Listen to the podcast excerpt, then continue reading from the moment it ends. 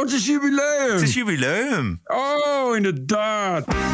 This is the TPO podcast. De Nederlandse kunstwereld kan een anti-woke-offensief verwachten. Die politieke club die, die bestiert nu de kunstwereld en de musea en al die dingen. En die hebben de kunst kapot gemaakt. Trump is op de terugweg. I look forward to doing an announcement at the right time. En de bonusquote is van separatist Baudet. Alle forummensen die moeten één provincie krijgen. Geef ons Groningen. Aflevering 250. Ranting and Reason. Bert Brusson, Roderick Phalo. This is the award winning TPO podcast. Very good morning, Bert. Good morning. En Eh, gefeliciteerd. Het is, ik wou net zeggen, een jubileumuitzending. Jazeker, het is namelijk nummer 250. Dus vrijdagochtend 7 mei 2021. We zijn al ruim vier jaar bezig. 2021, ja. Vier jaar alweer. Ja, en zomaar begonnen. Fuck. Weet je het nog? Ja, gewoon dat jij zei, eh, is een podcast niks? Dat we zeiden, oké, laten we dat eens gaan proberen. En toen was het instant succes. Instant, precies, meteen. Onmiddellijk. Waar zullen we eens mee beginnen? Eh, ja, weet ik niet. Gisteren. Even, ik, oh, nou, f- eh, eh, 4 mei. Ik had het idee dat het 4 mei was in Nederland. Ja, ja, dat was het zeker. ik Ehm, had het idee dat de media daar ook wel eh, aandacht aan besteedt in Nederland. Had je dat ook? Ja, zeker. zeker. Het, het zorgde voor een hoop ophef. Eh, zelfs gisteren nog, want gisteren ging het in de Tweede Kamer over de testmaatschappij. Eh, Kamer ging akkoord met een tijdelijke wet dat mensen met een negatieve uitslag naar sportwedstrijden mogen, musea, theater, etc. Dus een manier om de samenleving sneller te openen.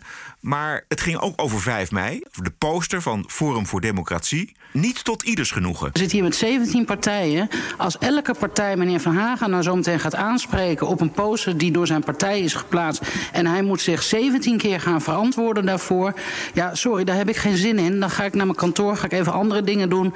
en dan kom ik terug als we het weer over de wet gaan hebben. Dus ik wil eigenlijk verzoeken aan de partijen hiermee te stoppen. Het, hier gaat het helemaal niet over.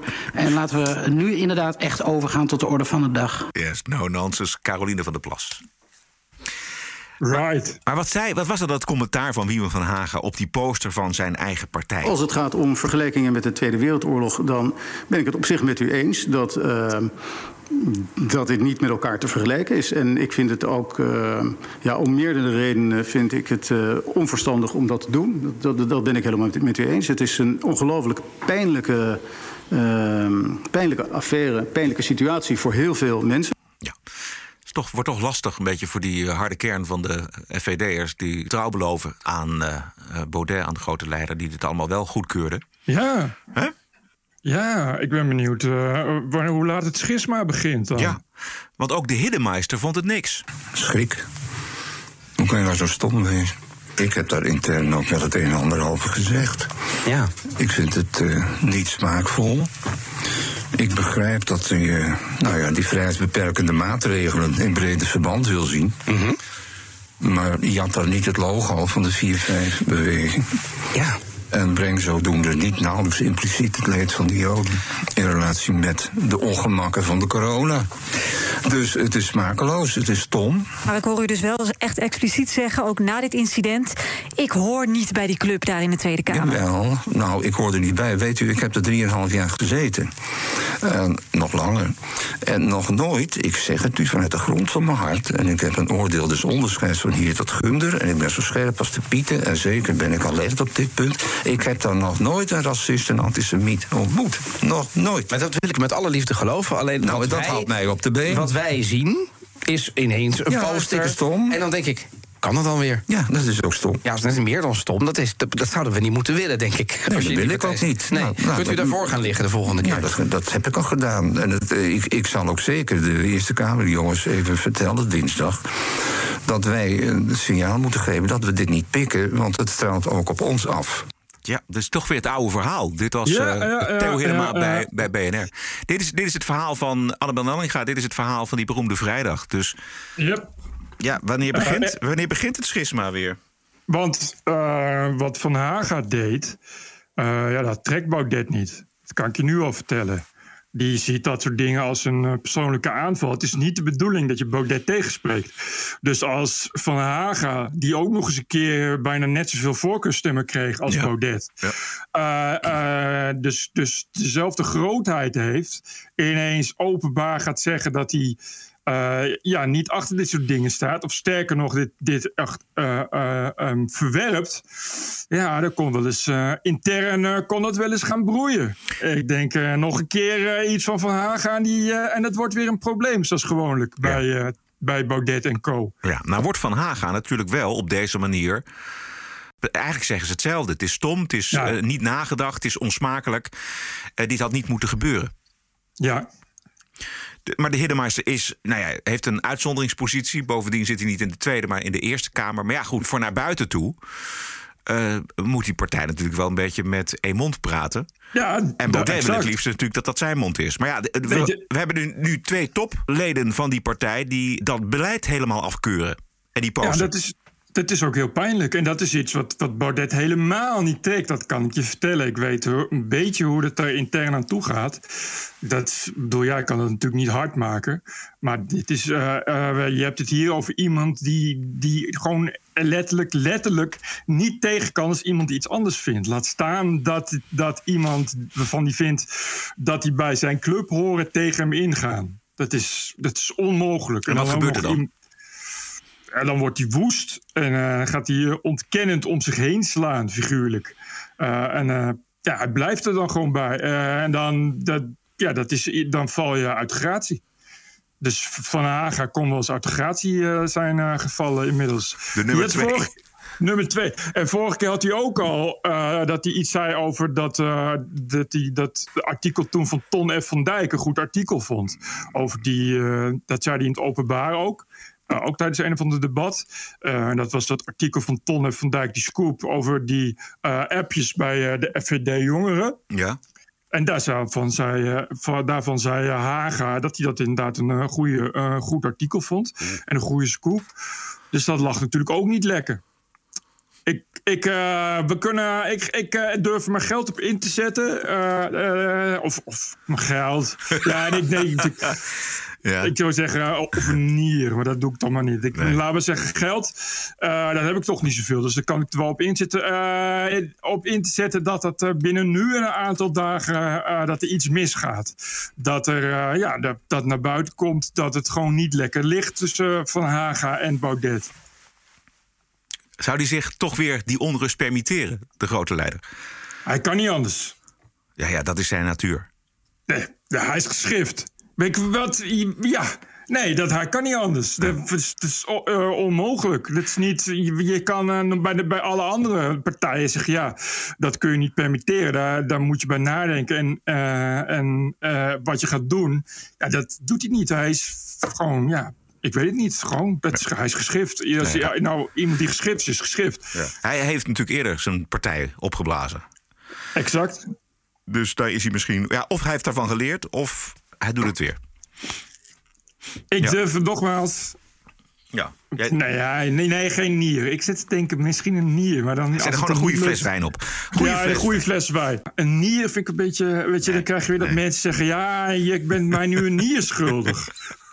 Ja, precies. En ik heb, er- ik heb er wel al twee. Of ik heb twee nieren, ja, je hebt twee nieren. Eh, en, maar ja, om dan nou helemaal een nier... Zeker nu in coronatijd, om dan weer een operatie te doen... vind ik een beetje... eh, gaat een beetje ver. Dus dan, dan maar een goede fles wijn. Oké. We hebben het eh Hiddemeister horen zeggen. Dinsdag zal hij een hartig woordje spreken... met alles wat er nog over is aan parlementaire jongens en meisjes. Vooral jongens. Wat er nog over is. Ja, wat er nog over is. Over wat er gebeurd is. En welke lijn de partij moet gaan eh, kiezen. Ik weet het niet. Ehm, we gaan het eventjes afwachten. Bert. Ja, ik ben, eh, ik ben benieuwd. Het zou mooi zijn, schisma, dat zou mooi zijn. Dat het, is toch weer eh, popcorn eh, en, eh, en nog meer kijkvoer. Het Historisch Nieuwsblad die vatte een beleidsplan, het nieuwe beleidsplan voor het comité 4 en 5 mei samen, als dat de Holocaust een aandachtspunt zou blijven op 4 mei en dat de herdenking verbreed zou worden en meer het pad van diversiteit en inclusie op zou gaan. Ja. En eh, die samenvatting, ja, die bleek toch niet te kloppen. Ik bedoel, het is, was wel heel erg kort door de bocht. Jij vond daar iets van? Ja, ik vond daar iets van. Het Historisch Nieuwsblad had eh, samengevat het beleidsplan van uh, comité 4 en 5 mei. Volgens het nieuwsblad uh, zou de Holocaust in de herdenking naar de achtergrond verdwijnen. Het zou een aandachtspunt blijven. Dat klinkt toch wel alsof het heel erg naar de achtergrond gaat. En het zou vooral gaan om een verbreding, om contact te maken met de jongeren en het meer verplaatsen naar uh, ook hedendaagse conflicten. Nou, en ik had daar iets over geschreven natuurlijk, dat het een knieval is voor de inclusie en diversiteit. Dat we niet meer uh, stilstaan bij waar het nou uiteindelijk om draaide, namelijk om de Holocaust en de Tweede Wereldoorlog. Ja, maar dat stond er ook in, hè? dat het meer om in inclusiviteit moest gaan Ja, draaien. ja. Of diversiteit. in Ja, precies. geval. Dat was de, de samenvatting. Maar goed, ik kom dat helemaal niet tegen in dat uitgebreide beleidsplan van comité 4 en 5 mei. En Jezus. Ja, dat staat er gewoon echt niet in. En Ja. daarin blijft gewoon ehm, de Holocaust leidend voor de herdenking. En ze willen wel op zoek naar het contact met jongere generatie. Maar dat vind ik ook heel normaal. Want voor een steeds jongere generatie is die Tweede Wereldoorlog natuurlijk ehm, steeds verder weg. Dus, ja, precies. Dus het was, ehm, ik, het was meer een opiniestuk van het eh, historisch nieuwsblad dan dat het een, eh, een samenvatting was. Goed dat je het hebt gecheckt ook, want het was ook al uit maart kwam het. Eh, en, en dat komt dan op Twitter, zo rond 4 mei. En dan, nou, dat, dat driekwart Twitter is natuurlijk anti per definitie. Dus dat gaat binnen no time gaat zoiets een eigen leven leiden. Weet je, en dat, dat staat dan in die samenvatting. Terwijl in, in werkelijkheid is het natuurlijk, natuurlijk heel anders. En als het echt iets was geweest, dan was het in maart natuurlijk ook al boven water gekomen. Weet je wel? Ja, Terwijl je- dit- dat, dat, is, dat is het erg. En je hebt dan ook, het gaat zo snel dat er ook geen vat meer op is. Nee, nee, Dus binnen, een paar, binnen een paar minuten heeft ook iedereen dat getweet. Weet Ja. je wel?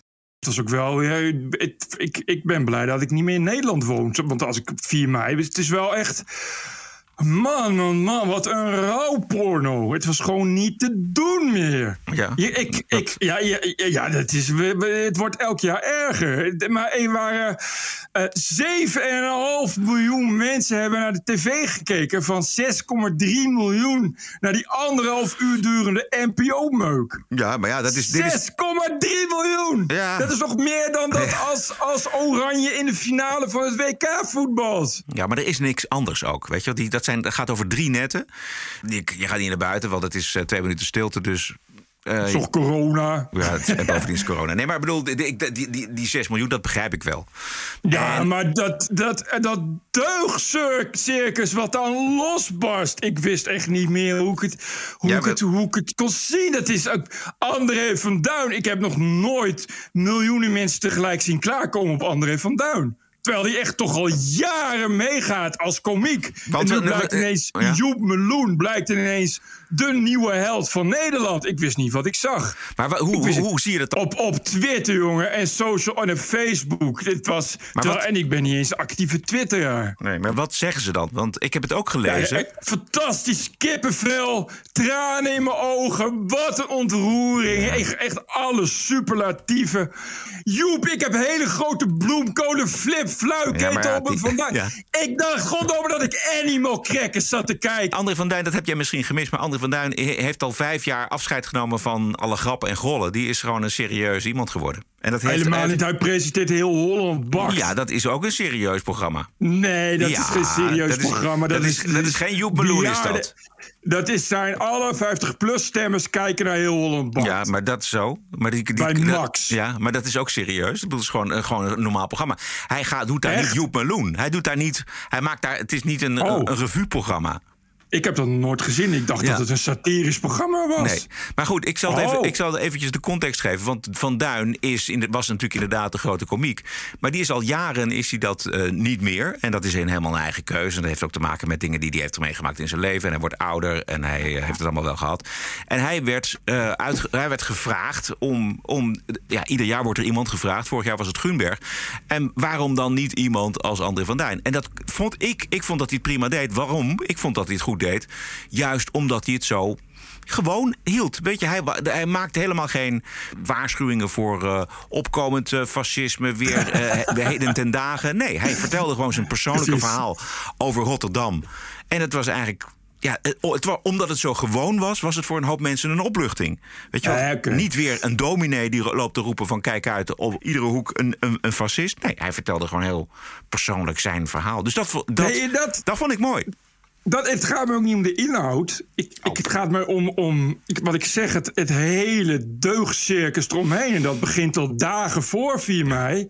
en dat komt dan tot, tot, tot één groot orgastisch deugen op de, op de NPO. En dan komt er ook nog zo'n meisje die leest een gedicht voor. En vroeger heette dat een gedicht of poëzie. Tegenwoordig heet dat spoken word artist Ja. spoken word performance. Terwijl ik dacht, gut meid, het lijkt wel een liedje zonder muziek. Nee, dat is spoken word, heet dat. Ja, daar kan zij niks aan doen dat het zo heet.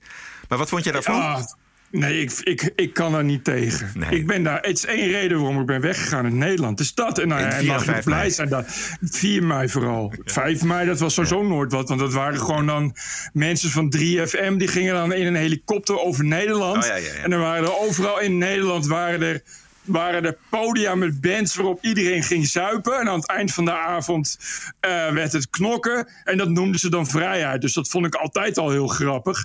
Maar eh, eh, 4 mei was altijd dat ik dacht van... Het, je gaat gewoon helemaal langzaamaan kapot. Ik zag uh, Annabel Nanninga liet me zien hoe ze dat doet op Twitter. Want die zit dan wel op Twitter. En daar kun je op Twitter kun je gewoon filteren, hè? Die had gewoon een uitgebreide lijst met, met hashtag 4 mei, hashtag stilte. Je kan gewoon eh, de, de juiste dingen filteren. En, maar dan nog, je ontkomt er gewoon niet. Je ziet dan gewoon hele intelligente, normale mensen, goed opgeleid, die ineens het 4 mei. Ja, daar is echt. Ja, ik, de echt, echt nog, nog, ik denk dat, dat zelfs Jezus daar, eh, daar, eh, daar nog, nog een beetje ironische blik van zou trekken. Zo enorm als die mensen deugen. En dan mag je nog blij zijn dat Abdelkader Ben Ali op tijd is weggecensureerd. Want die Roxane van Ypres, dat vind ik ook geen reet aan. Maar dat is toch leuk om naar te kijken.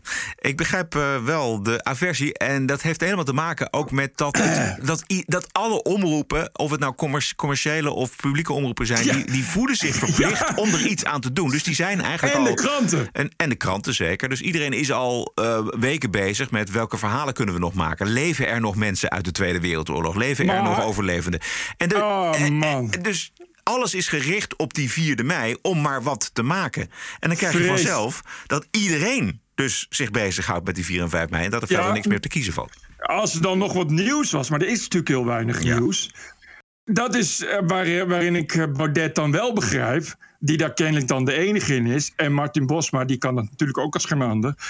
Dat je, dat je ook. Dat je dus inderdaad kritiek hebt op het feit dat die hele 4 mei wordt gebruikt om, om een politiek statement te maken. Om, om daar eh, iets aan op te hangen. Maar wat, wat, is, wat is het politieke statement dan? het politieke statement is dat het, dit mag nooit meer gebeuren. En dat is natuurlijk prima, dat begrijpt ook iedereen. Maar dat gaat altijd weer in de richting van hoe het nu is. En dat zijn dan de PVV en de FVD. En rechtse geluiden en dat soort gelul. En daar, daar, ja, daar, daar, daar heb ik iets tegen. Ik vind dat dat comité 4 en 5 mei, ja, dat wordt bevolkt door Gerdy Verbeet eh, en Hans, Hans Fuck You Now Larousse. Nee, die zit er niet meer in. Die zit er oh, niet meer. Nee.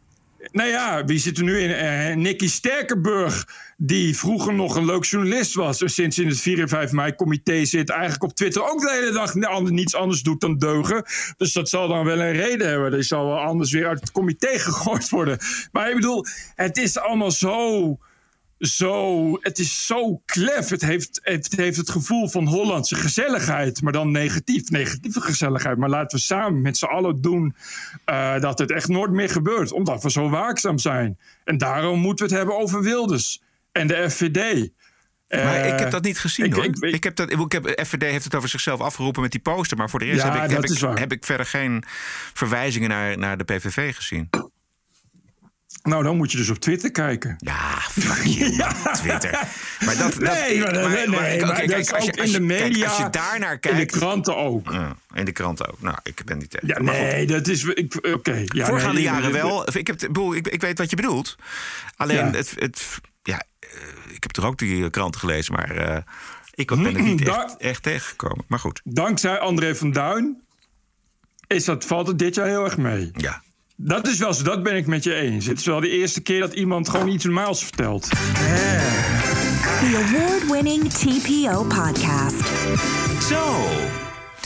Zometeen de Wokweek uiteraard, maar nu alvast de Amsterdamse Rietveld Academie. Ooit een vrij gevochten plek voor beginnende kunstenaars... maar al enige jaren een met wookdogma's dichtgetimmerde kleuterschool. Het nieuwste verhaal betreft een studente die ooit een groepsverkrachting heeft meegemaakt. En met dat trauma een kunstproject in gang wilde zetten. En daar werd, dat werd haar verboden door de school, door de docenten daar op die school. En wel hierom. Omdat het niet goed is voor de sfeer uh, en de vibe en de energie op de academie, nog in het klaslokaal. Het is mijn persoonlijke ervaring, het is mijn persoonlijke fascinatie waarom moet ik mezelf tegen gaan houden omdat bepaalde mensen het niet aankunnen? Ja, dit is uh, Maria en Maria is de student. Het was een item uh, gisteren bij Poont. En, maar het speelt al enige tijd. En zij wordt gesteund door een ex-Rietveld-student, Kirak-regisseur Stefan Ruitenbeek. Ik vind het heel erg. Ik vind het heel erg voor Maria dat ze de film niet mag maken. En ik vind het heel erg dat cancel culture die school aan het overnemen is. Ik ben hier oud student. Het was een fijne plek voor mij en het was gewoon helemaal verziekt. En daar gaan we nu een einde aan maken. Juist! Ja. Hup, Stefan. Hij gaat, ze willen. Dat dat meisje is, uh, heeft een trauma. Uh, dat is ooit verkracht in het leven, geloof ik. Uh, en daar wilden ze als, als kunstproject. wilden ze daar dus iets van maken. Ik geloof iets met video. Dus, dus haar haar trauma's verwerken in haar kunst. Dat lijkt me een goed idee, want dat is een beetje waar kunst voor is, zou je denken. Uh, dus, uh, maar goed, wat ze kennelijk had gemaakt was kennelijk niet, uh, niet slachtoffer genoeg. Ja. En nou, daar werd gezegd: nee, dat, dit kan niet, dit kun, je niet, dit kun je niet vertonen en dat kun je niet maken. Want ja, dan is het niet safe space genoeg. Want het is, ja, dan gaat het over verkrachting en ook nog eens een keer ben je niet slachtoffer. Dus dan is het te triggerend, te traumatiserend voor de snowflakes hier. Ja. dus nu willen Kirak dat hebben ze al een tijd geleden. Volgens mij hebben ze ook al een uitzending over gemaakt. Ze willen die film willen ze nu gaan projecteren op het gebouw van, ja. uh, van de Rietveld Academie. Dus die hele film ja. op dat hele gebouw. En dat, is, dat kunnen ze natuurlijk. En daar kan die, die academie niks tegen doen. Omdat dat doe je vanaf de openbare ja, weg. Exact, dat is gewoon een soort, soort, gewoon een beamer en dan die film. Maar nog eventjes terug naar die, naar die school. Want dit speelt al inderdaad al enige tijd. En wat, wat je, je zag bijvoorbeeld. Ze, op een gegeven moment willen ze met die camera willen ze naar binnen bij die Rietveld Academie. Ja. En dan op een gegeven moment gebeurt er dit. Uh, Willem, komt de politie al? Herformuleren. De politie, de politie! De, conciërge van de Rietveld Academie, moet je voorstellen, die haalt dus de politie erbij omdat hij per se wil voorkomen dat die studenten met Ruitenbeek en met nog iemand anders um, en met die, precies uh, naar binnen gaat. Dat gaat met zoveel agressie. Wat ik in die situatie zie, is dat het al een heel erg hoog opgelopen conflict is.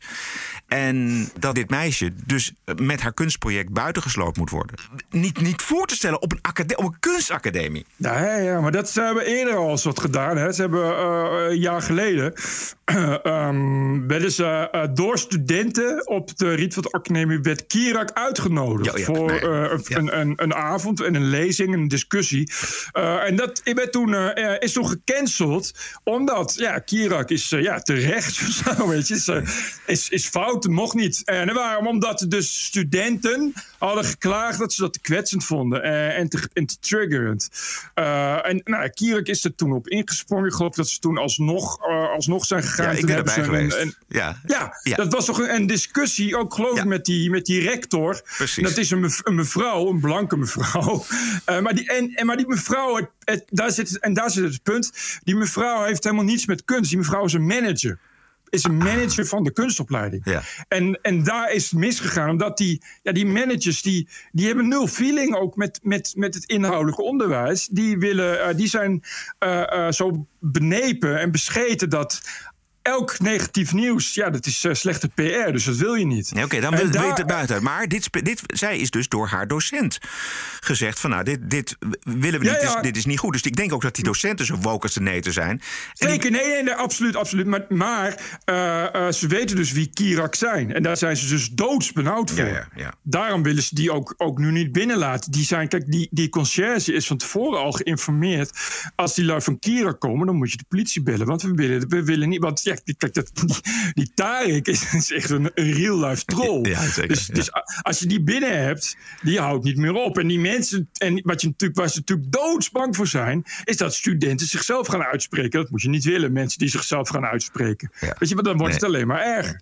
Met, met als natuurlijk onbedoeld gevolg dat het juist erger wordt, omdat ze juist zo bang zijn. Dit is het grote probleem met de vrije kunsten in Nederland. De Raad voor Cultuur bepaalt aan welke enge diversiteits- en inclusie-eisen musea, kunstenaars en academies moeten voldoen. Anders geen geld en ook anders geen plek. En die verstikkende politieke spelletjes maken in Nederland alles kapot. Ze hebben eigenlijk de macht naar zichzelf toegetrokken. Die politieke club die, die bestiert nu de kunstwereld en de musea en al die dingen. En die hebben de kunst kapot gemaakt en daar vervelende politiek voor in de plaats gezet. En dit is het moment waarop we gaan zeggen: het is een beetje genoeg geweest. Als Maria die film niet meer mag maken, we gaan het gewoon terugpakken en terug aan de kunst geven. Ik dacht: fuck dit man, we gaan dit gewoon niet doen. We gaan gewoon jouw film pakken, Maria, en die gaan we gewoon op die school heel goed projecteren met een gigantische beamer. Fuck ze, als het niet in de school kan, dan doen we het op de school. En dat gaan we doen. Precies, dit is gewoon nee zeggen. Ja, en dit is, dit is dus kunst. Hier, kijk, hier had het om moeten gaan. Dit wat Stefan doet is dus kunst. Dat is nou een kunstenaar. Dat je. eh, Rebelleert tegen, de, tegen de gruwelijke dogma's, wat conformisme. Dat je rebelleert tegen de macht. Dat je, en dat je zegt: oké, als, het, als, het, als het dus niet kan, dan ga ik zorgen dat het wel kan. Want met kunst kan dat. Daar was dus kunst voor bedoeld. Dat ik met kunst die mensen bereik. En dat ik die mensen dus ergens over laat nadenken.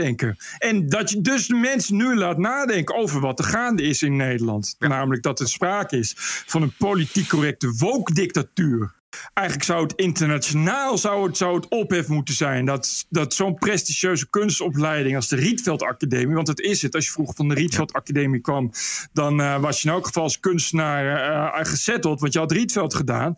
Dat je over de Rietveld dus geen kunst meer mag maken. Dat je het dus nu moet hebben van Kirak... wat twee mensen zijn... die dat, die dat ja, hij wordt een beetje gesubsidieerd... door, door wat melige miljonairs die van kunst houden. Maar de- weet je, het is niet, eh, het is niet eh, dat ze daar eh, heel veel geld voor krijgen. En, en, en, en online, Pownet en Geen Stijl en TPO. Weet je, dat, dat, is, dat was het. En, het is bizar, bizar dat niemand dat ziet. Dat daar niemand het over heeft. Dat mensen daar zich niet tegen verzetten. Dat je daar geen andere kunstenaars over Het hoort. is alsof kunstenaars, vrije kunstenaars, vrije geesten zich vrijwillig in een dngbuis stoppen. Ik kan daar gewoon niet bij. Nee, niet bij te kunnen. We zitten al heel diep in die woke week van deze week. En we gaan nog dieper. I was offended and I have rights. TPO Podcast. You're an adult. Grow up. Deal with it. I don't care. Berichten uit de open inrichting. Ja, laten we even met het goede nieuws beginnen. Want er is dus, en Kirak is daar een mooi voorbeeld van... het verzet tegen de diversiteits- en inclusieterreur groeit. Dus het voornemen van de Raad van Cultuur om ook eh, de taal van de kunst aan te passen, om het woord zwart zoveel mogelijk te schrappen als dat negatief wordt gebruikt. Dat verzet daartegen neemt toe. We hebben het er vorige week ook over gehad. Goed stuk dus van een muzikus, een docent op het conservatorium in de Volkskrant. En hij krijgt vandaag daar eh, in diezelfde krant ehm, steun van filmmaakster Noeska van Brakel. Hebben we dat gelezen? Nee, ik heb het niet gelezen. Oké, ik zal even een klein stukje voorlezen. Noeska van Brakel schrijft: Ik ben. eh, de- Die heeft een ingezonde brief geschreven.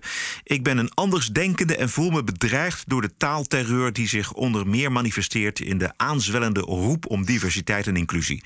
Een zoveelste dwangmiddel waarbij bedweters zich als boven mij gestelde gedragen en mij gaan voorschrijven welke woorden ik wel en niet mag gebruiken.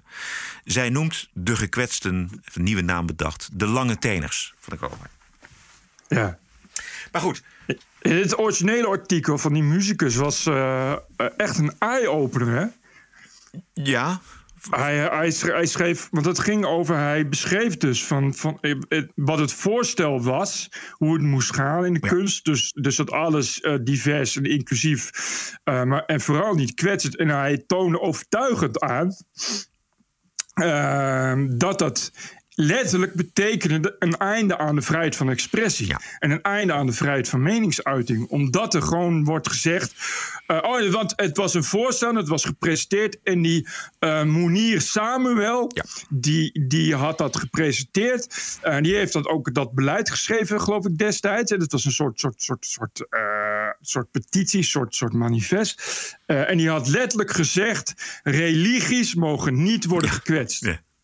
Religies mogen niet worden bekritiseerd. Nee, dat is toch de, dat is toch de dood. Ja, maar, maar dat een raad voor cultuur dat omarmt. Het is zo verbijsterend. En ik, had het, ik wist het niet, maar hij heeft het zo mooi opgeschreven. En zo mooi die stukken bij elkaar gezet.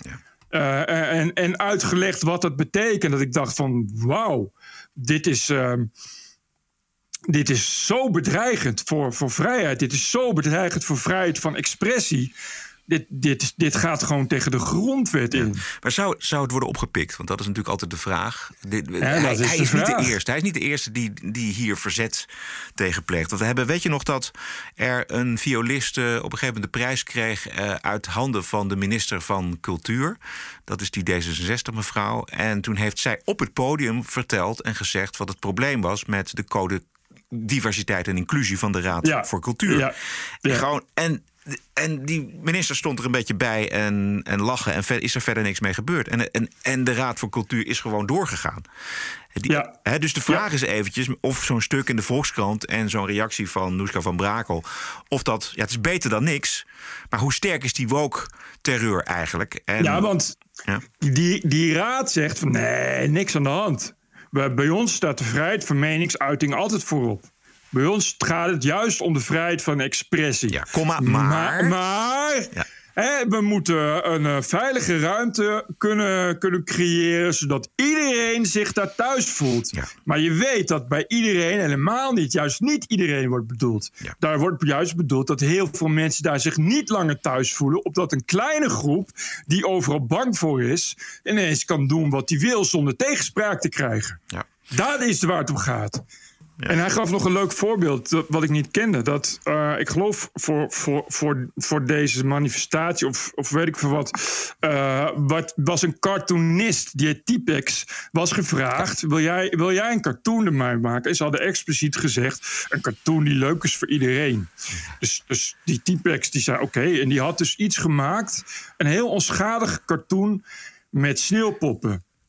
En dat werd afgekeurd omdat er werd gezegd: ja, sneeuwpoppen, dat kan wel eens worden gezien als witte mannen. En dat kan wel eens als kwetsend worden ervaren. Want iedereen kan niet? zijn eigen interpretatie geven aan wat kwetsend eventueel sneeuwpoppen. Maar die cartoonist had dus bewust al rekening gehouden. Ja. Die, die dacht van, nou, ik ga niet Maurice de Hond eh, in zwart-wit afbeelden met een, eh, met, een, eh, met een marionettending erbij. Want dat is misschien wel kwetsend. En ik zal ook niks doen met, met de profeet. Want ja, daar kwets je ook al mensen mee. Dus ik doe gewoon iets leuks met sneeuwpoppen. Ah, sneeuwpoppen zijn wit. En zo, En wit, gaat de vrijheid, zo gaat de vrijheid eraan. Dat is toch doodeng? Ja, dat is super doodeng. Maar daar, daar hebben we het iedere week het, eh, over, eh, Bert. Dit is gruwelijk. Ja. Ik moet wel zeggen, overigens, als ik nog heel even Ja. één, één ding mag, is dat het wel attractie begint te krijgen. Want ik zag op Twitter dat er hebben al ineens eh, steeds meer mensen zich tegenkeuren. Ik zag bijvoorbeeld dat onze oude vijand Diab Abu Jaja. Eh, de Belgische Libanees, die eh, nou toch altijd eh, extreem woke links over allochtonen schreef, die is de laatste tijd echt snoeihard anti-woke. Eventjes naar Canada. Want in Canada is afschuw ontstaan over de nationale sport ijshockey. En zoals we wel eens- ja, nou, niet alleen te wit, maar we, kunnen, ik weet niet, als je zo'n wedstrijd op televisie ziet, dan, dat gaat er nogal hard aan toe. Hè? Ruig, echt snoeihard, in the heat of the moment, scheldpartijen, Rape huppatee. En dat klinkt dan zo.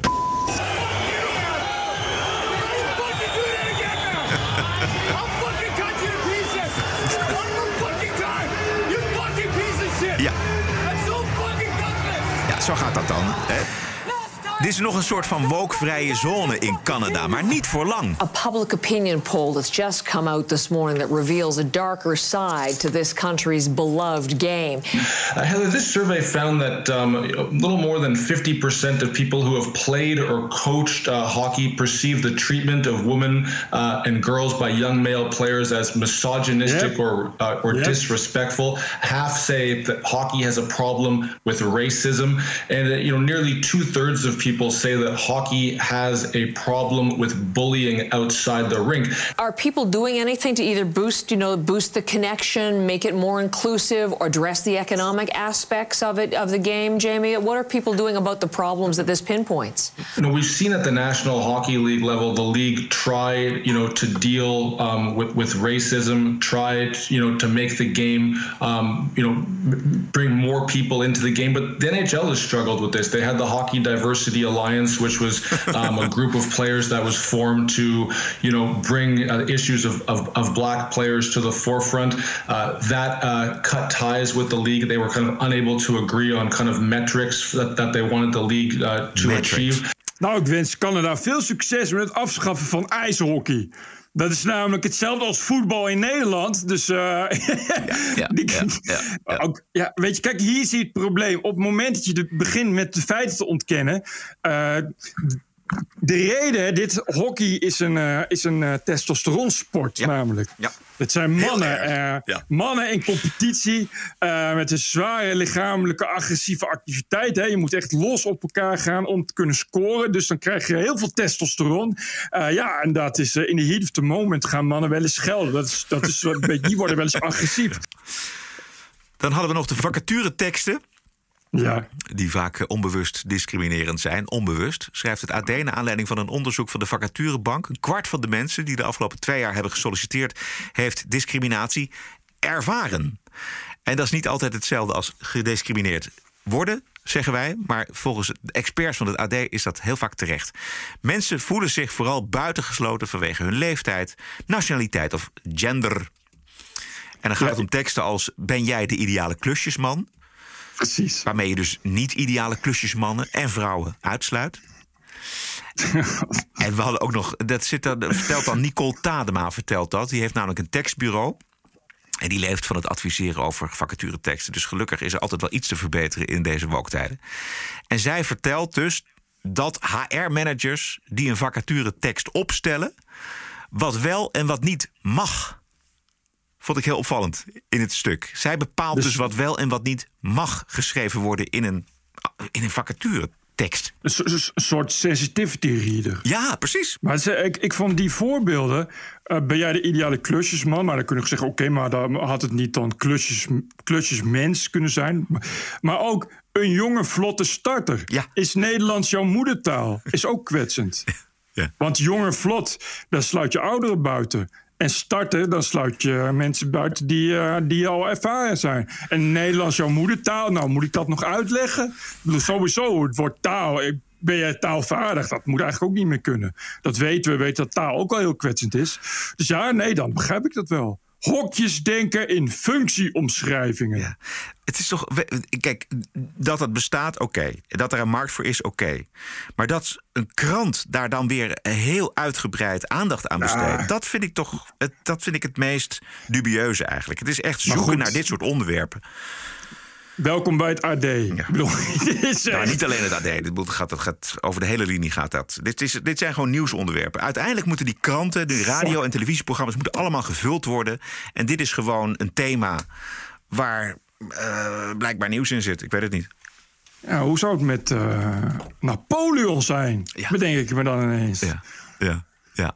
Ik zag dat zelfs Kleis Jager voor trouw uh, heeft zich daaraan moeten wagen.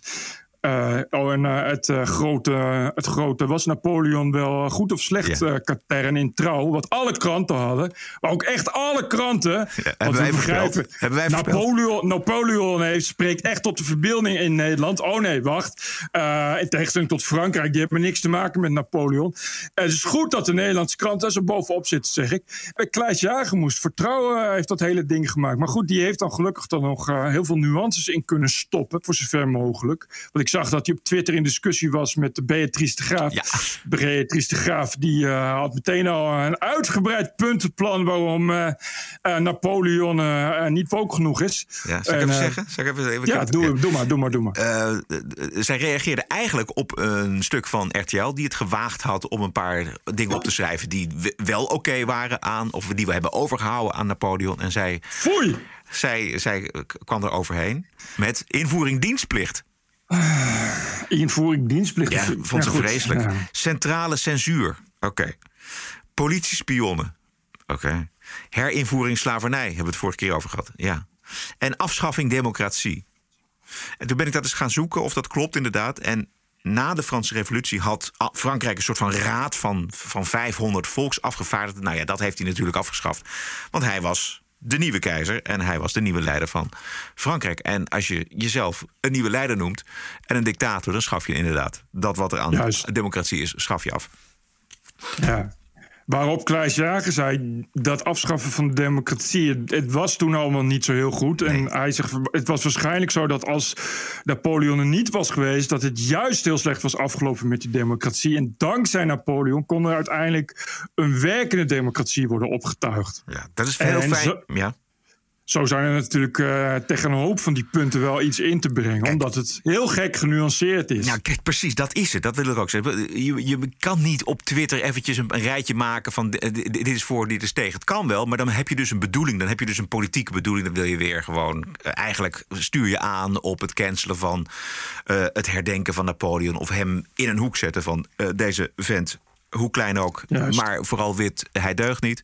Dus daar, daar ging het weer om, dat debat. Dat was weer zo vreselijk. En natuurlijk is er een mooi genuanceerd verhaal te maken over Napoleon. Maar goed, eh, daar ging het allemaal niet om. Een beetje klein, maar wel grappig. Eh, er wordt weer eh, uit een film, dat heb ik de vorige keer wel ook al iets over gezegd, wordt weer een, een fictief figuur wordt gecanceld. Omdat hij te blank is. Eh, er is een Disney Plus serie die heet WandaVision. Eh nou, dat gaat ook dus inderdaad over, over superhelden. Eh, volgens het originele script zou de bekende magiër Dr. Stephen Strange een cameo maken in de allerlaatste aflevering tijdens de epische finale. En dat, dat Dr. Stephen Strange ook een bekende, bekende superheld. En nou, en die is gecanceld, want die magiër is wit. Die zou worden gespeeld door Johnny Cage, want Johnny Cage is blank. Eh, even kijken. Voorspelbaar is het ook. ja.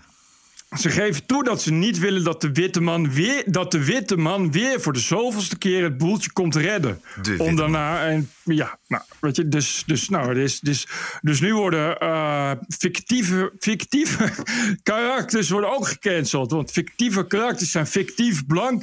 En fictief blank is ook fictief kwetsend. Dus. Oké. Eentje nog. Ik zat eh, te luisteren naar de Volkskrant-podcast Groenteman in de Kast van Ja. Gijs Groenteman. Ehm, is al een keer eerder eh, geplukt in deze show. De eerste keer was met eh, Quincy Cario. Woensdag was er een mooi gesprek met eh, columnist en oud GroenLinks Kamerlid Sini Usdiel. Naar aanleiding van zijn stuk over Oh ja. de tegenwerking die hij zijn hele leven lang heeft ervaren van blanke progressieve mensen. Het racisme van de lage verwachtingen. Allochtonen zijn zielig, dus laten we de grammatica vereenvoudigen. Want mensen met een kleurtje zijn te zwak en te dom om goed te kunnen leren schrijven. Ik heb twee fragmenten. De eerste is de langste. Ik, ik zette alles voor het eerst op een rijtje en dan dacht ik van... wacht eens even, hier is een patroon. Ik noem het een systeem zelfs. Met een zalvende vroomheid. Lage verwachtingen. Propageren. Eh, eh, de, de, de zieligheidsindustrie van het wit progressief Nederland. Waar, waar- met goede intenties, begrijp me niet verkeerd. Die uiteindelijk niks opleveren. Behalve dan subsidies, geld, projecten, whatever, prestige voor de wi- witte redder. Maar zelf, en, ik ben, en dat is dus, ik heb honderden, Gijs, ik heb honderden reacties gekregen.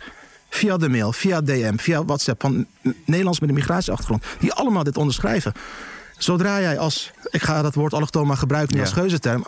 Besluit van, hé, hey, ik wil niet zielig zijn. Ik wil, net als jij, goed Nederlands kunnen lullen. Ja. ik wil dezelfde grammatica eisen als jij. Ik wil, ik wil als gelijke En ik wil elkaar carrière maken. Ik wil carrière maken. Of succes hebben, of weet ik succes. veel wat. ben gewoon, Ja. als je, zodra je besluit dat te doen, dan is er... Ik weet niet of dat bewust gaat of niet. Dan word je gewoon met, met pek en veren eruit geknikt. Dat heb ik niet, niet eens alleen over mezelf. En dat patroon... Toen dacht ik van, wat de fuck, Sini? Want ik heb wel steeds aansluiting ge- eh, gezocht bij wit progressief Nederland. Dat is mijn bloedgroep, ook politiek. Ja, het is grappig, want het is natuurlijk, ik ben natuurlijk ook een linksmens. En eh, ik vond het zo, eh, die, dat, dat, eh, dat betuttelende van, eh, Van, van linkse mensen, dat is zo eh, beklemmend, lijkt me dat. nou, dat is echt beklemmend. Het is wel grappig dat de man van Aafbrand Kostjes uh, betutteling beklemmend vindt. Maar dit even terzijde. Nee, ja, um, Sini Usdil is een van de weinigen die daar zo goed op zit, moet ik zeggen. Ja, en, en die dus ook uit ervaring spreekt. Ja, precies. En het was ook, op een gegeven moment ging het ook in dat gesprek over hoe kom je nou, hoe kwam je tot dat stuk eigenlijk? Omdat het al jaren aan de oppervlakte zit bij hem. Weet je wel? Die ergernis eh, zit er in, in, zit al heel lang. En op een gegeven moment moest het eruit. Hij heeft dat hele stuk, geloof ik, in een uur geschreven. En ik, ik heb ook uh, gisteren schreef uh, Lale Gul een essay in uh, Elsevier Weekblad. Ja. En, en daarin vat ze vooral samen wat de reacties waren op, op haar boek Ik ga leven. Wat, zoals iedereen weet, handelt over de, de beklemmende Turks-islamitische cultuur waarin zij is opgegroeid. Uh, en daarin zag je dat vooral, ja, uh, echt heel deugend Nederland heeft haar, is haar komen vertellen dat ze toch vooral niet zo hard moet schrijven en verantwoording moet nemen voor de moslimgemeenschap in Nederland en dat soort gelul. en ja, Cindy Usdeel was de enige die zei, ja, het boek is nog lang niet hard genoeg. Het had nog veel feller gemoeten en er moeten veel meer mensen zijn die dat schrijven, omdat Cindy Usdeel komt zelf natuurlijk uit de, uit de Turkse cultuur. Dus die weet precies hoe het daar gaat. En dat is natuurlijk fascinerend dat uh, al die blanke linkse mensen die allemaal leuk in Nederland vrij zijn opgegroeid, dat zijn de mensen die tegen Lale Gül zeggen: ja, je mag dit niet schrijven, dit is kwetsend uh, en extreem rechts. Terwijl de mensen die wel weten hoe het zit, die daar, uit, die daar zelf ervaring mee hebben, die zeggen juist: heel goed dat je dit schrijft, dit moet meer gebeuren. Hierop aansluitend, volledig, uh, zat namelijk ook nog een nieuwtje in. In dat gesprek met uh, Sini Usdil. Namelijk hoe opzettelijk de struisvogels van GroenLinks wegkijken van de islamisering in Nederland. Namelijk weg, wegkijken van als de Turkse president Erdogan besluit om weekendscholen in Nederland op te zetten. Ik zal dan nu bij jou hier uit de school klappen over één ervaring uh, die ik heb gehad toen ik nog Kamerlid was. Mm -hmm. uh, toen het nieuws naar buiten kwam dat uh, Erdogan in Nederland weekendscholen ging oprichten in Nederland. Toen kondigde ik aan dat ik daar Kamervragen over ging stellen. En toen, toen werd ik op het matje geroepen door de GroenLinks top. En dat vond ik vrij heftig toen, toen al. Dus ik, het, ik, ik was er ook misschien te naïef in. Van, uh... En hoe ging dat? Je werd gesensibiliseerd? Ja. en dat hield in? Dat gaan we niet doen? Dat gaan we niet doen. En waarom niet? punt 1 was uh, islamofobie niet in de hand werken. Punt 2 was, moeten wij bepalen wat deugt, letterlijk? Ja, dit is hoe het ruilt en zeilt bij GroenLinks, bij de progressieve roelgemeente. Nou, wie had, dat, uh, wie had dat verwacht? De handlangers van de conservatieve islam. Ja, zo gaat het dus. De handlangers, van de, dus. de handlangers van de onderdrukkers. Van de nou, onderdrukkers van vrouwenrechten. De onderdrukkers van homoseksuelen. Het deugt van geen kant, GroenLinks. Dit klopt. Dus ik zie uh, GroenLinks is op Twitter ook de hele tijd... zijn dezelfde mensen die de hele tijd uh, het wokegif downplayen. Die zeggen de hele tijd van ja, dit wordt allemaal overtrokken. Uh, de kritiek op woke is alleen maar afkomstig van radicaal rechts. Uh, terwijl woke doet juist heel veel goede dingen. Het is juist uh, bedoeld om, om minderheden te beschermen. Terwijl woke, de, de kritiek erop, is, komt echt niet alleen maar van radicaal rechts. Die kritiek komt overal vandaan en die kritiek is terecht. Ik bedoel, de schade die woke toebrengt nu al, is gewoon zichtbaar. Maar zoals gebruikelijk zijn ze bij GroenLinks weer eens stekenblind. Omdat het weer niet in hun straatje past. Juist. Dit was het. What a woke week it was. This is the TPO podcast. Dit is aflevering 250, dat is toch een beetje een mijlpaal. We zijn al, al vier oh. jaar uh, bezig. Zomaar een keer begonnen op 7 februari 2017. In 2018 wonnen we de Online Radio Awards, zullen we nog maar eventjes zeggen. En ja, uh, ja wij, wij podcasten nog steeds met heel veel plezier, Bert en ik. En dankzij jouw waardering en donering kunnen we door. Dinsdag de hele lijst met donateurs voor deze aflevering 250. Dus als je er nog tussen wil staan. Dit is de TPO-podcast. Een eigenzinnige kijk op het nieuws en de nieuwsmedia. Twee keer per week, elke dinsdag en elke vrijdag. 100% onafhankelijk. Want zonder reclame en zonder een cent subsidie. The award-winning TPO-podcast. Wat is het jou waard? Een euro per aflevering, 104 euro per jaar of kies zelf een bedrag. Waardeer en doneer op tpo.nl slash podcast. De TPO Podcast. Wat is het je waard? TPO Podcast. Ladies and gentlemen, the President-elect of the United States. This is CNN breaking news. We have never, ever, ever, ever failed in America. It's an incredible way of putting it. Telling the truth matters. It's an incredible way of putting it. This is a Russian intelligence disinformation campaign. Why isn't Joe Biden angrier about all of this? How stupid can you be? This is a classic example of the right wing media machine. It just lacks credibility. Go ahead. Oud-president Donald Trump krijgt zijn Facebook-account nog niet terug. Twitter is hij volgens mij voor altijd van geschorst, maar op Facebook nog voor onbepaalde tijd. Het is wel een, toch wel een verhaal, want uh, een speciale raad die Facebook zelf heeft ingesteld, die heeft over de schorsing geoordeeld. Het was allemaal terecht, zeiden ze, maar voor onbepaalde tijd deugde dan weer niet. Te veel onzekerheid. Um, wat interessant is, is dat deze oversight board uh, de wetgeving ten aanzien van vrije meningsuiting volledig naast zich neer kan leggen. Zolang uh, de overheid zich er niet mee kan en mag bemoeien, blijft het iets voor Zuckerberg die kan doen wat hij wil. En er is, ja, hij kan uh, morgen besluiten iedereen te bannen, behalve zichzelf. Of, uh, of, of uh, de zaak op te heffen, of, of, of whatever. En iedereen... Zonder dat je daar Precies. iets tegen kan doen. Ja. Ja, en er zijn ook heel veel mensen die dat ook met hem vinden, weet je wel. Die vinden het bijvoorbeeld, zeker in het geval van Trump, vinden ze het fantastisch ja, dat hij ja. dat hij wordt ge geband. En dan zeggen ze, ja, maar wacht even. En zeg, de een zegt dan, ja, maar dit is censuur. De ander zegt, nee, ze maken geen censuur. Want uh, Facebook heeft gewoon zijn eigen huisregels. En als je je daar niet aan houdt, of als zij zeggen, uh, Trump houdt zich daar niet aan, ja, dat is dan aan zijn eigen schuld. Ja. Nou ja, ik, maar ondertussen, ja, ondertussen is die man dus zo goed als verdwenen van sociale media. Precies. Nee, precies. Ik, ik, ik, ik begrijp wel uh, uh, dat het met huisregels te maken heeft. Maar ja, het gaat om, om in destijds nog president. Um, ja. Je mag toch verwachten dat je, dat je president zoveel mogelijk ruimte en medium geeft. En als alle media zouden besluiten om de president geen ruimte te geven, heb je natuurlijk een democratisch probleem. Uh, alle media gaan er niet besluiten, omdat dat dus niet kan omdat die zich daar ergens aan te houden hebben. Maar Facebook dan niet. Terwijl Facebook is natuurlijk wel de, de allergrootste macht. Dus je gaat je dan afvragen: van, ja, moet dan niet. En ik ben ervoor dat de overheid daar veel meer over te zeggen krijgt. Ja. Ja. Maar ja, dus in, in de VS, kijk, vooral de Republikeinen zeggen: nee, dat moet je niet willen. Omdat het een commercieel bedrijf is. En dan wil je dat, die zijn natuurlijk als dood voor overheidsinmenging. Ja. En dat begrijp ik ook wel. Maar ik, ik ben er al, al een tijdje voor om inderdaad.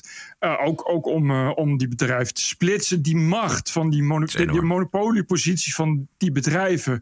Ja, en bij iets als Facebook, het gaat natuurlijk veel dieper. Het is natuurlijk een, een, een het is echt zoals het nu is, is het een uh, levensbedreigende, democratiebedreigende macht. Je kunt altijd zeggen van nou ja, richt dan je eigen uh, sociale media kanaal op. Dat is hij ook uh, begonnen. Het zijn tot nu toe dan uitsluitend nog berichten van Trump zelf. Wat wel, wel kan van die berichten van Trump, en daar is het volgens mij hem om te doen, die berichten kun je natuurlijk wel delen op Facebook en op Twitter. Ja, ja, nou goed, maar daar kunnen ze ook worden geband. Dat is, ja? bedoel, dat is, je ja. kan sowieso, gaat Zuckerberg een algoritme maken met ja. alles van Trump wat gedeeld wordt, wordt meteen weer weggehaald. Dus dat, daar heb je niet zo aan. Nederlandse journalisten vinden het wel lekker rustig zo zonder Trump op Twitter. En denken dat hij zo vanzelf in de vergetelheid verdwijnt. Dit is Frank van der Linden in het Mediaforum op Radio 1. Ik vind het overigens wel opmerkelijk dat hij eigenlijk al... misschien is dit niet de mood of the nation, maar iets puur persoonlijks... in de vergetelheid ja, aan het ja, haken ja. is. En, voelen jullie dat ook? Ja, dat is absoluut waar. Absoluut, maar dat, dat komt mede door het feit dat hij, dat, dat hij zich niet meer op Twitter kan. Uh, dat hij zich, ja. dat, maar dat speelt... ook, ook natuurlijk doordat de huidige Amerikaanse president echt een, een, een superstart maakt. Ja, ja die zegt Biden, Biden. Biden. zat uh, Margriet Brandsma zat ook dus. Lekker rustig zo zonder Trump. Het is een weldadige rust wat jullie betreft. Ja, nou ja, ik kan niet zeggen dat ik het gemist heb. ik wil die weldadige rust van deze journo's niet verstoren, maar Trump komt terug. Candace Owens had hem aan de lijn in haar nieuwe show op de Daily Wire. One more question, because I'm sure you've gotten this question tons of times, but Are you going to run in 2024? And if so, can I be your vice president? Oh, that's very interesting. Wow, what a good choice that would be. That would be fantastic. Trump Owens? Uh, you would be fantastic. And, you know, I really appreciate the job you do, and everybody does. Uh, the answer is I'm absolutely enthused. I look forward to doing an announcement at the right time. Uh, as you know, it's very early, but I think people are going to be very, very happy uh, when I make a certain announcement. And, you know, for uh, campaign finance reasons, you really can't do it too early because it becomes a whole different thing. Otherwise, I'd give you an answer That's that correct. I think you'd be very happy with. But uh, so we are looking at that very, very seriously, and uh, all I say is stay tuned. Ja. Yeah. ja. Speciaal voor Margriet? Brandsma en Frank van der Linden. Ach ja, ja, eh, ik, ik- ja, lekker rustig. Het is inderdaad rustig. Ik las dat ehm, de New York Times, sinds, sinds Trump niet meer aan de macht is, verkoopt nu vooral. eh, eh, het gaat nog steeds heel goed met de verkoop van digitale abonnementen van de New York Times. Maar sinds, sinds het einde van Trump wordt er vooral verkocht op lifestyle. En rubrieken als leven, koken, hoe moet ik goed leven, groen leven. Nou ja, zeg maar, zeg maar 80% van de Volkskrant. Dat, Op zaterdag. daar, dat, is nu, da- ja, dat is nu de core business van de New York Times. nou, is dat arm, armoedig of is dat armoedig? Het is eh, armoedig. Ik heb alleen nog een bonusquote, Bert. This is the TPO podcast. Gisteren een aardige podcast geluisterd. Het kwartje van Dido Singh. Volgens mij hebben we daar al een keer ooit eens een keer iets eerder eh, een fragment van laten horen. Maar het aardige van de podcast van gisteren was dat Thierry Baudet erin zat. En het was Ah. eh, toch geen onaardig gesprek. Opvallend plan over de verdeling van Nederland. Ik ben eigenlijk een separatist. Ik vind eigenlijk dat alle forummensen, die moeten één provincie krijgen. Geef ons Groningen, weet je. Zij willen toch niks met het gas doen, nou wij wel. En geef, geef er nu, wat is het, als je zegt er zijn twaalf grote partijen in Nederland, of je cluster dat een beetje, zijn twaalf provincies. Geef elke partij een provincie. Goed plan, Thierry. Heel goed plan. Het is een goed plan, maar het is ook een oud idee. Dames en heren, hier ziet u dan de nieuwe indeling van eh, Nederland in 20 provincies. A la de tegenpartij. Heb jij ik- zelf getekend, Of ik nog weet, Jacobs. Even kijken hoor. Uit mijn hoofd geleerd. Eh, alle Grieken in Nederland, die stoppen wij weg hier op de eilanden. Dat heet nou de provincie Grieksel. Zijn ze gewend? Net als thuis. Eilanden, water rondom. Dan heb ik hier op ons barmeubel Afrika, we leggen hier. Kijk, de grens op precies dezelfde wijze als hier. Groningen en Friesland aan zee. Dat leggen aan zee? Nog Dus dan hadden wij gedacht hier alle Tunesiërs, Marokkanen en Algerijnen weg te stoppen, thuisland. Dat is net als thuis. Dan alle Turken komen in wat eens de provincie Drenthe was. Dat Oh, heet ja. nou Turkenburg. Vanwege de ruime mogelijkheden van schapen. Lijkt mij ook heel... eh, Dan eh, krijgen wij hier de Molukkers op de Veluwe vanwege de mooie natuur natuurlijk. Dan de Surinamers in het zuiden, is altijd weer een paar graadjes warmer. Ja, frappant hoe de satire van Bie altijd weer uitkomt achteraf. Ja, geweldig. Hè? Ja, dit is dus 1980. Tegenpartij Ja. Jacobs en Van Nes. In 2021 komt eh, Baudet dus met het plan om de provincies in Nederland maar te verdelen onder de politieke partij. Ik zag ook eh, een foto van Baudet. Ik weet niet, Baudet en Van Haga, of was het Hillema, hoe dan ook.